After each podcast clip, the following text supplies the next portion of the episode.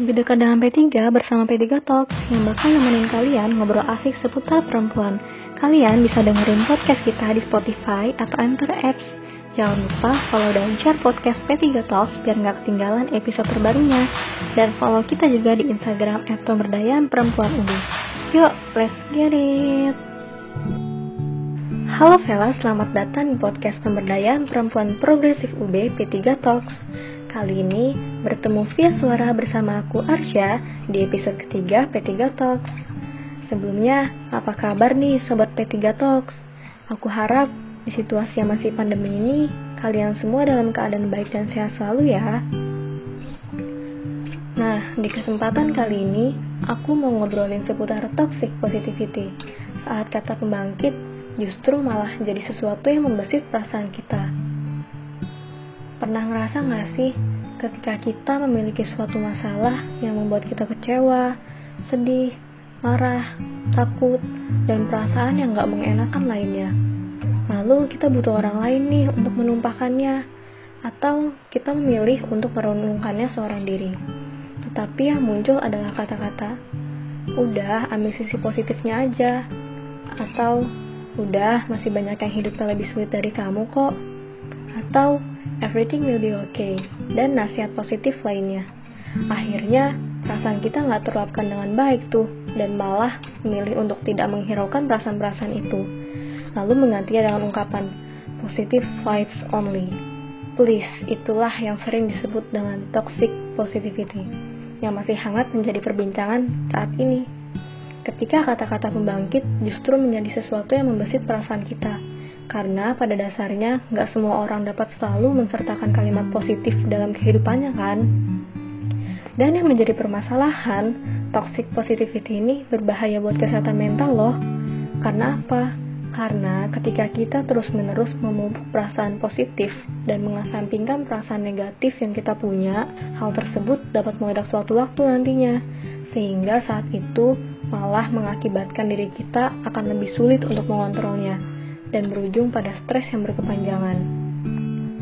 Nah, terus kalau gitu kita harus ngapain nih? Biar nggak salah memberikan respon ketika ada orang lain yang cerita ke kita atau sikap yang harus kita berikan untuk diri kita sendiri saat menghadapi hal tersebut. Nah, mungkin yang pertama kita bisa mulai dengan dengerin aja dulu. Yap, dengerin keluh kesahnya hingga akhir terlebih dahulu berempati, mencoba mengerti, dan memahami apa yang sedang dirasakan orang tersebut. Mungkin seperti memberikan ujaran, wajar kok kalau kita ngerasa kecewa dalam keadaan ini. Aku pikir kamu pasti lagi ngerasa berat banget ya saat ini. Lalu, ketika emosinya telah turun, barulah kita berterima kasih kepadanya karena telah mempercayakan diri kita sebagai tempat untuk menceritakan masalahnya.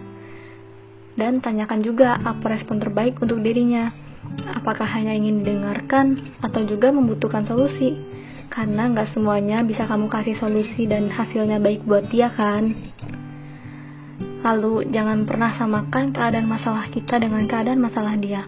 Dengan memberikan perkataan dulu gue juga pernah ngerasain kok atau ah itu mah biasa gue malah pernah kayak gini gini gini karena itu sama sekali nggak membantu Kemudian kita juga bisa nih ngasih mood booster untuk diri kita sendiri atau teman kita yang sedang down menghadapi masalahnya. Seperti jalan-jalan, memberinya makan, dan hal-hal kecil lainnya yang membuat diri kita atau dirinya senang.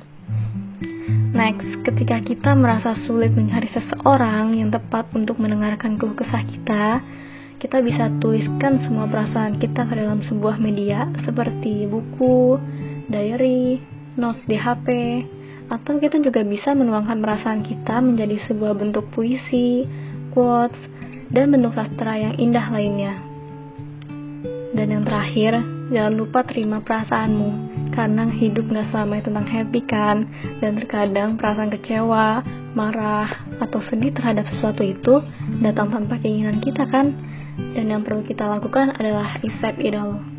Sadari dan terima perasaan kita secara terbuka dan jadikan perasaan kita itu adalah bagian dari menjadi manusia. Itu tadi sekiranya tips yang bisa aku berikan kepada sobat P3 Talks untuk meminimalisir toxic positivity. Yuk, mulai sekarang kita sama-sama belajar ya untuk memiliki kemampuan mendengar dan memahami masalah diri sendiri juga orang lain. Gak masalah kalau terkadang kita merasa sedang tidak baik-baik aja. Kita hanya perlu sadar apa yang sedang kita rasakan dan gak maksain diri untuk selalu terlihat bahagia. Apa pun yang kita rasakan, terima sepenuhnya ya. Jangan sampai hal itu membuat kita nyangkal dan malah memendam perasaan kita yang sesungguhnya. Memotivasi diri untuk jadi lebih baik itu emang perlu, tapi jangan sampai hal tersebut malah jadi racun yang bisa bahayain diri kamu. Hormatilah diri kita dengan merangkul semua emosi negatif dan positif yang kita punya, agar diri kita memiliki mental yang kuat. Pada akhirnya, menjadi pribadi yang apa adanya adalah ungkapan terbaik untuk mencintai diri sendiri.